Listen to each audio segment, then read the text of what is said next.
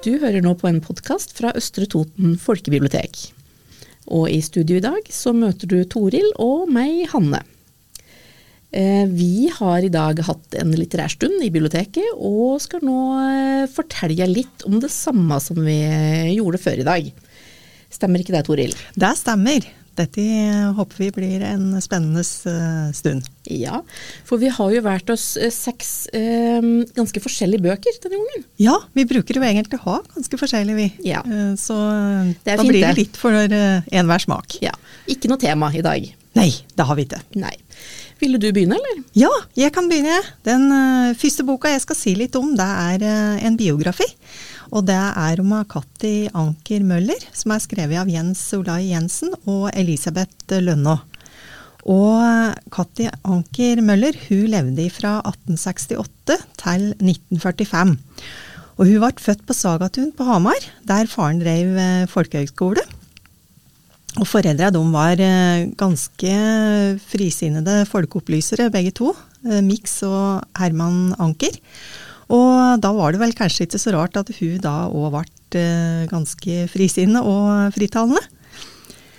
Hun opplevde jo da at foreldra fikk ti unger, eh, og hun så jo åssen eh, mora sleit i hverdagen. Det var jo ikke så vanlig med prevensjon på denne tida, og for abort var det tre års fengsel, så det var jo ikke noe alternativ. Nei. Og som ung så uh, ville ikke Katti gifte seg, for hun ville ikke ha det slik som mora hadde. Men så forelska seg i fetteren sin, Kai Møller. Og hun fikk da ansvaret for mange tjenestepiker. Og så så hun at flere av dem havnet i ulykka, som eh, vi bruker å si. Um, og alt dette gjorde da at Katti arbeidet for å bedre livsvilkårene for um, særlig arbeiderkvinnen, uh, og også disse såkalte uekte barna, som da var født utenfor ekteskap. Hun jobber sammen med en Johan Castberg, som hun for øvrig hadde hatt et forhold til i ungdommen, men som da senere ble gift med, med storesøstera hennes.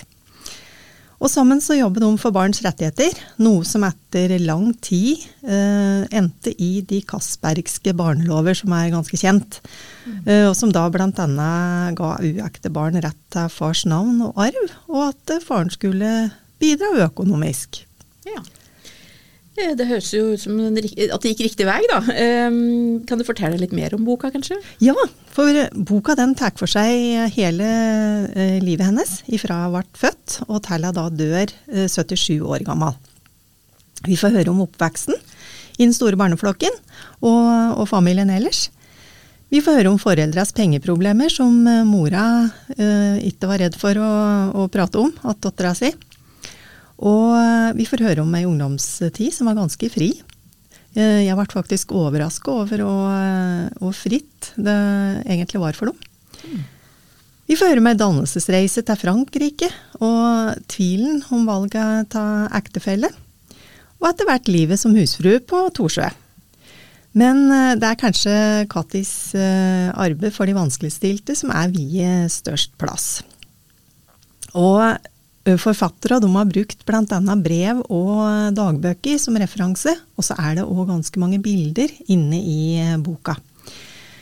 Eh, jeg må jo si at jeg ble ganske overrasket over eh, hvor tidlig prevensjon og abort var aktuelle temaer, og hvor lang tid det tok fra de tok opp ulike temaer og til de eventuelt da fikk gjennomslag for dem politisk. Uh, for jeg syns ofte at ordskiftet i uh, den politiske ordskiftet i dag er ganske tøft, ja. Men uh, denne boka viste vel egentlig at det var vissa så tøft for 100 år siden. Mm. og jeg, jeg syns boka var veldig interessant, og, og, den ga i hvert fall meg et nytt syn på, på kvinnene og, og deres innflytelse og virke på den tida. Mm. Overraska over, i hvert fall i denne, de som var i denne stand her, da. Mm. Eh, og stor innvirkningskraft de faktisk eh, hadde. Så en spennende bok. Absolutt mm. høres sånn ut. Ja. Mm. Ja, der var den boka. Jeg får fortsette med Italia, da. Ja, fortsett du. Eh, og den neste boka jeg skal si litt om, det er en roman som heter 'Høgfjellsmeldinga', og er skrevet av Guri Sørumgård Bottheim. Og I denne boka her så blir vi kjent med Ragna Sva. For hun søker og får jobben som kommunikasjonsansvarlig ved Norsk Villreinsenter på Hjerkinn. Hun har bodd i Trondheim sammen med kjæresten Lars, men så flytter hun da alene eh, til dette knøttlille samfunnet på Dovrefjell. Og snart så må Ragna skrive en NOU-rapport om villrein og fjellets etiske stemme, som det så fint heter. For kollega de, de tenker jo at dette er greit at den eh, ferskeste gjør, for det er vel ingen av dem som har så veldig lyst til å gjøre det sjøl, da. Og kollega de tenker jo at eh, denne rapporten den blir nok et papir for skrivebordsskuffa som kanskje en del andre NOU-rapporter har vært i. Men da har de ikke regnet med Ragna. For vi skjønner jo raskt at Ragna hun er i overkant ivrig innenfor dette temaet, og hun er ikke redd for å komme med politisk sprengkraft. Det gjør jo at hun bl.a. får en anonym trusselmelding, men uh, hun er jo sjøl heller ikke så redd for å bruke utradisjonelle metoder da det skal arrangeres isbaneløp på, på Hjerkindammen. Men uh, Ragna hun sliter privat òg. Hun strever med å glemme gamlekjæresten Gaute, som var en naturverner. Kanskje litt, i, på, litt på grensa til det lovlig. Men så er det bare det at en Gaute han har vært død i flere år. Men dette og dette at det Guri Nei, at Guri, sier jeg det. Det er Guri, men Ragna, hva er det heter. Uh, flytter da, ifra han, uh, Lars, gjør jo at han blir litt usikker på forholdet deres. Uh, og det kan vi jo egentlig skjønne godt. Mm. Så, så, det er ikke bare profesjonelt, men også litt privat da, som Ragnar sliter. Uh, er det sånn at denne boka er, er det en miljøbok, eller? Ja, jeg vil nok si at det er en klar miljøprofil her. Mm. Um, og boka er tankevekkende og aktuell. Midt i striden på Fosen, blant annet. Mm. Eh, men her er det da ikke vindmøller det dreier seg om, men det er reinens, villreinens rett da, mot uh, turisme og pilegrimer, lokalbefolkningens jakt, fiske og hyttebruk, og forskeres bruk av snøscootere. Og, og igjen naturvernere. De må vi ikke glemme. Så blir spørsmålet da om noen vil oppdage hva som faktisk står i rapporten, før teksten havner på pulten til uh, miljøministeren. Og noen av dem som etter hvert eh, nærmest hater av Ragna, om de greier å skremme ut eh, fra jobben og bygda. For både Turistforeningen, eh, lokale innbyggere og ordføreren har jo sitt de gjerne vil ha sagt, da. Boka setter nok problemstillingen litt på spissen, og er til tider litt humoristisk. Den er skrevet på nynorsk for øvrig, men det syns jeg passer veldig fint at, at det er området vi da befinner oss i er her, da. Så den kan, kan anbefales. Ja. Jeg vet at du har med deg ei anna fin bok i dag òg? Ja, det har jeg. Og det er den siste boka jeg har tenkt jeg skal si litt om. Og det er 'Vindmakeren' eh, av Maja Lunde. Og uh, hun trenger vel ikke akkurat noe presentasjon, så uh, Men denne boka her, den handler om en Tobias på elleve år som skal reise ut på landet for å feites opp, får jeg si. For han uh, har bodd i byen, og der har det vært krig i uh, flere år. Og vi møter han når han skal ta farvel med foreldra og reiser sammen med mange andre unger, både med tog og båt, uh, til ei øy ute i havgapet. Og han Tobias han håper at han skal få komme til noen snille mennesker på, på Værland, da, som det heter der. Mm. Men så når han kommer fram, så ender det med at han eh, blir stående satt alene med borgermesteren. Alle de andre unga har fått plass, men det er ingen som har kommet for å hente han. Men så havner han da etter hvert til eh, ei som blir kalt for Lote. Eh, det er ei middelaldrende dame som har vært ute og fiske, og hun har definitivt ikke lyst til å ta imot noen av disse unga som har kommet. Men ett døgn kan hun gå med på. Så får borgermesteren sørge for at uh, en Tobias kommer en annen sted. Men det gjør han jo sjølsagt ikke, for det er fullt av deilig. Ja. Hvordan blir da livet for Tobias på den øya? Ja, han, uh, han, er jo en nysgjerrig liten gutt. Så han uh, dra litt rundt omkring, da. Og, um, for der er det ikke bare å sitte inne og gjøre som en vil. Der er det å komme seg ut, for det finnes ikke dårlig vær, uh, ifølge Lote. Så han, uh, Jan Tobias han finner et rom da, som det er gamle barnetegninger og malerier. Men ute også, så finner han et uh, brannskada fyr, og så møter han ei dame inne i skauen som sitter i rullestol. Uh, og han skjønner at det er et eller annet som har skjedd i fortida, men det er ingen som har lyst til å prate noe særlig om verken barnetegninger eller fortida for øvrig. Så da må jo en Tobias eh, sjøl prøve å finne ut hva det er som har skjedd. da. Og som sagt, en Tobias han er nysgjerrig, men han er òg en veldig omsorgsfull gutt. Og i tillegg så sliter han jo med sine egne traumer. Og denne boka den er vakkert skrevet, men eh, Kanskje like så vakker så er jo alle disse her eh, nydelige illustrasjonene som er laga av Lisa og Aisato. Eh, så hvis du har likt eh, 'Snøsøsteren og solvokteren', så er jo dette årets samarbeid da, mm. mellom Maja Lunde og Lisa Aisato. Så om du ikke skal lese av 'Vindmakeren', så kan du i hvert fall ta en titt inn, for den er veldig, det er en veldig nydelig bok. Nydelige bilder. Det er. Ja, mm. det er det. Virkelig. Ja, men du har òg med deg noen bøker, Hanne? Jeg har det. Eh, har med meg tre, jeg òg, da, i dag. Eh, det ene er en bok av en lokal forfatter. Eh, det andre er britisk feelgood-krim. Og det tredje er Vi må jo nevne nobelprisen, syns jeg i dag. Ja. Mm. Men jeg kan jo begynne med den første boka, og jeg kaller den lokal forfatter. For det, Audun Mysja han har jo flyttet til Toten og holdt til ute i Totenvika. Og 9. Um, oktober, da lanserte han en ny bok. Han har jo allerede skrevet masse bøker, men nå har han eh, skrevet ei som heter 'Naturlig smertefri'. Eh, dagen etter den eh, veldig vellykkede lanseringa i Oslo, da, på forlagshuset der, så sto han plutselig hos oss i biblioteket her og sier at han har lyst til å gi oss et foredrag om denne boka. Og det blir jo vi glad for, sjølsagt. Og det er det jo mange av brukerne våre som har blitt i òg. Så alle billetter er jo nå utsolgt til dette foredraget 8.11. Men jeg tenkte at uh, jeg likevel skulle fortelle litt om boka. Um, vi fikk den i hus for noen dager siden, så jeg, rakk, har ikke rukket å lese ordentlig gjennom den. Men jeg kan jo si så mye som at uh, den handler om uh, smerte, og det er vel kanskje noe som er gjenkjennbart hos oss alle en eller annen form for smerte kjenner vi på i løpet av livet. Eh, og eh, Mysja har veldig fokus på hva er det du kan gjøre sjøl. Så boka er som en guide. Eh, prøve å forstå smerten. Og hvordan kan du dempe eller eventuelt bli fri for denne smerten. Da. Eh, og han eh, deler liksom smerten litt opp da, i ulike kategorier, eh, og de som har fått ulike kapitler i boka.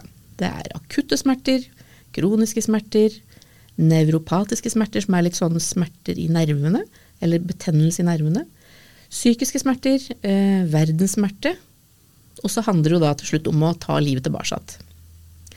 Boka er eh, godt illustrert med gode forklaringer. Det handler mye om eh, trykkpunkter. Eh, og boka inneholder også en god del personlige historier.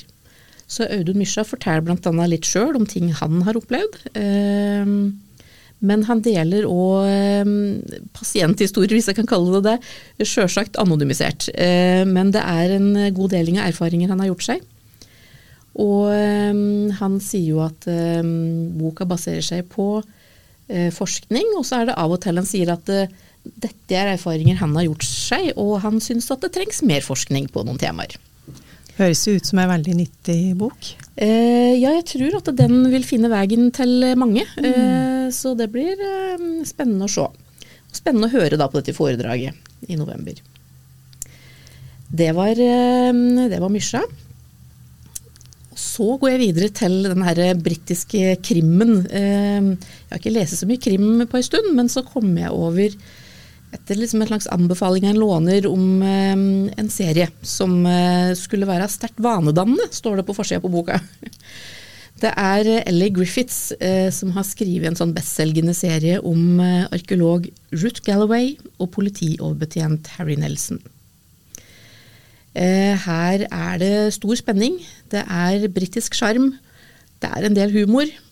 Eh, og det er jo et herlig persongalleri, så mye av humoren går jo på hvor forskjellige de er, disse karakterene. Og altså da eh, sterkt vanedannende. Um, når jeg var ferdig med første boka, så hadde jeg veldig lyst til å lese bok to. Men den første boka, da, den heter 'Jenta under jorda'. Uh, for ti år siden så forsvant jenta Lucy Downey. Uh, politimannen Harry Nelson han hadde ansvar for etterforskninga men de sto helt i stampe. Det var ikke mulig å finne igjen Lucy. Og de visste ikke eh, om hun levde eller om hun var død. Og hun var rett og slett bare borte fra jordas overflate. Og samtidig så begynner eh, Harry Nelson å motta en del anonyme brev. Og de inneholder eh, mystiske bibelsitater og henvisninger til nedgravde knokler og til offergaver. Og alt er veldig, veldig frustrerende for Nelson. Han føler at han står helt i stampen i saken. de finner ikke noe løsning. Så har det altså nå gått ti år, eh, og det oppdages noen menneskerester i sanda utafor Kings Lynn i Norfolk. Dette her er et område der fastland går over i et litt sånn sandbank-myrområde med en del kvikksand og litt sånn, der eh, flo og fjære kommer inn og går ut igjen, og kommer inn og går ut igjen. Det, går, altså det er fristende å bevege seg ut dette området når det er fjære, for det er jo flott. Ehm, men det er òg farlig. Så hvis du beveger deg utafor disse fast oppgåtte stien, så kan du treffe på kvikksand, og flo kan komme plutselig, og da er, du på en måte, da er det litt gjort. Men disse menneskerestene de eh, dukker nå opp eh, i et område hvor det er funnet andre ting fra eldre tider. Da. Men Harry Nelson han henter inn rettsarkeolog Ruth Galloway til utgravinga. Og ehm, hun setter i gang med å avdekke lag på lag. Og blir veldig ivrig når hun finner et smykke rundt hersen på dette skjelettet som hun har foran seg. For hun ser at det antagelig er et eh, smykke fra jernalderen. Så hun tenker oi, her har vi et kjempefunn, dette blir spennende. Men så snur hun seg da og ser på Nelson, eh, og han er ikke glad.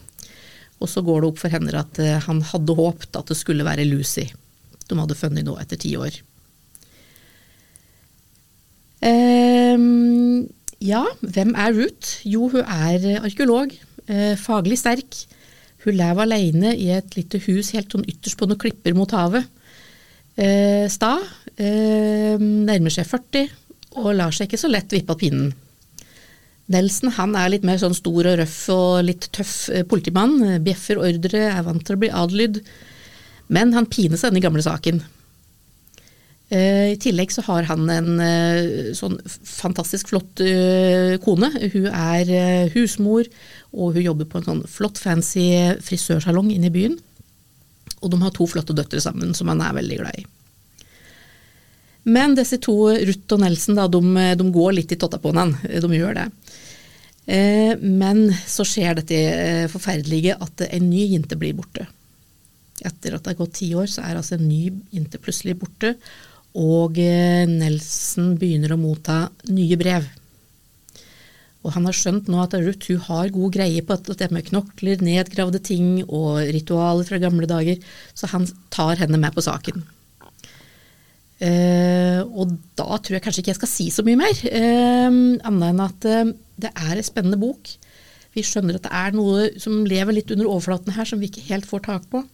Og det er et sånn voldsomt klimaks til slutt. altså Spenninga bare tar helt av, og vi veit jo ikke helt går det bra eller går det ikke bra, dette her. Nå er vi veldig glad i krim, ja. uh, og jeg hører jo du fortalte om denne boka, eller denne serien, uh, på Litterær stund i dag, så jeg har alt uh, ønsket meg i denne første boka jeg, på Bookbites. Så bra. Ja, ja, det er absolutt noe for meg. Anbefal. Og det er jo lettlest, og det er spennende, og det er litt, litt feel good, sjøl om ja. det er krim, altså. Litt humor skal det òg være. Ja. Da sier jeg ikke noe om de neste bøkene i serien, bare at eh, har du lest bok én, så får du lyst til å lese bok to. Um, og da vil jeg bare egentlig avslutte med å si gratulerer til Jon Fosse. det kan vi vel hilse begge to og si det. Det tror jeg vi kan gjøre. Det er absolutt uh, velfortjent. Ja.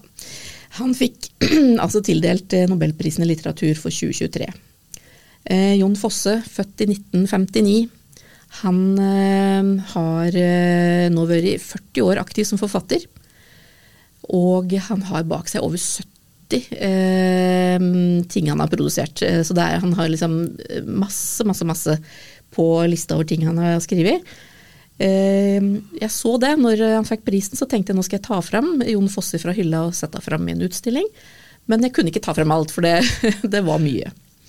Det er både romaner, det er, han har skrevet for teatret, han har skrevet dikt, han har skrevet kortprosa og essay og til og med barnebøker. Eh, Han er jo òg en av de mest spilte dramatikere på europeiske scener. Og um, de er jo særlig glad i, glad inn i, um, i Tyskland, har jeg lest meg til. Men han er oversatt til 50 språk, tror jeg. Så en eh, populær dramatiker.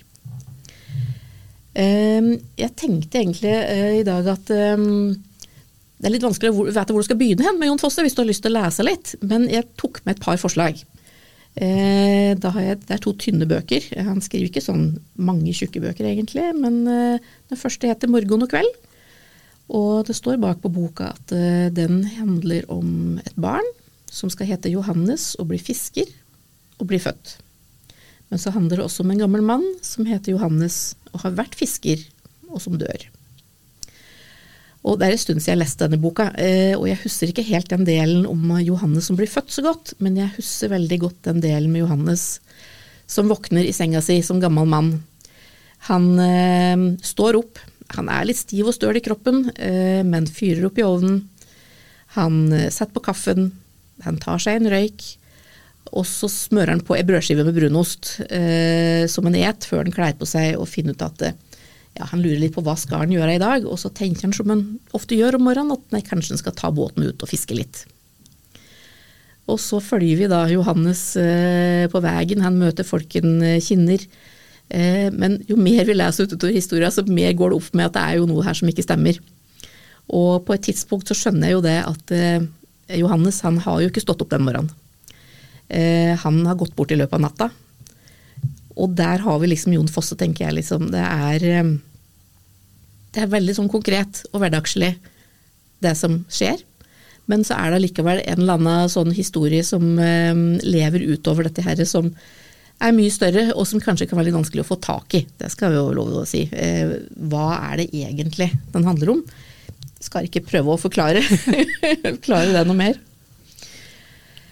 Eh, Den andre boka jeg tok med meg, det var 'Andvake'. eh, Og det er første boka i en som, trilogi som han fikk eh, Nordisk råds litteraturpris for i eh, 2015. Eh, Her møter vi Alida og Asle. De har reist til Bjørgvin for å finne en sted å bo og finne seg jobb. Alida venter barn, men når de kommer til Bjørgvin, så er det ingen som vil gi dem husly. Og igjen så er det en kort historie, eh, på en måte jordnært fortært om hva disse to opplever. Men vi aner jo referanser til noen andre historier eh, i denne her, som er eh, større og mer kjent. da.